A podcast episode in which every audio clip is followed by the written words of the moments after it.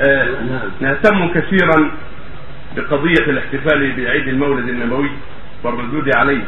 بينما الاحتفال باليوم الوطني وغيره من الأيام في البلاد الإسلامية تجري على ما هي عليه دون اعتراض هل لأنها احتفالات سياسية والمولد الديني كل هذه الاحتفالات لا شك باطلة. فما تعليق سماحتكم؟ التعليق على هذا أن الأيام الوطنية هذا تقليد للكفرة وأشباه الكفرة وليس من باب الدين. فهو اسهل من من جهة العواقب. وهو لا شك إنه ينبغي تركه ولا ينبغي فعله. لأن تقليد الكفرة ولا ينبغي تقليده ولا التشبه بهم.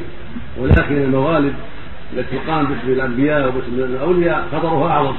وشرها أكبر لأن باسم العبادة باسم الدين باسم الغلو. وتقول إلى الشرك الأكبر ومعاصي كثيره فلهذا اهتم بها أهل العلم أكثر من اهتمامهم بالأيام الوطنية السياسية التي يفعلها الملوك والرؤساء. مع أن هذا قد بدل في باب تكلمنا فيه فيما يلزم الحمد لله. نعم.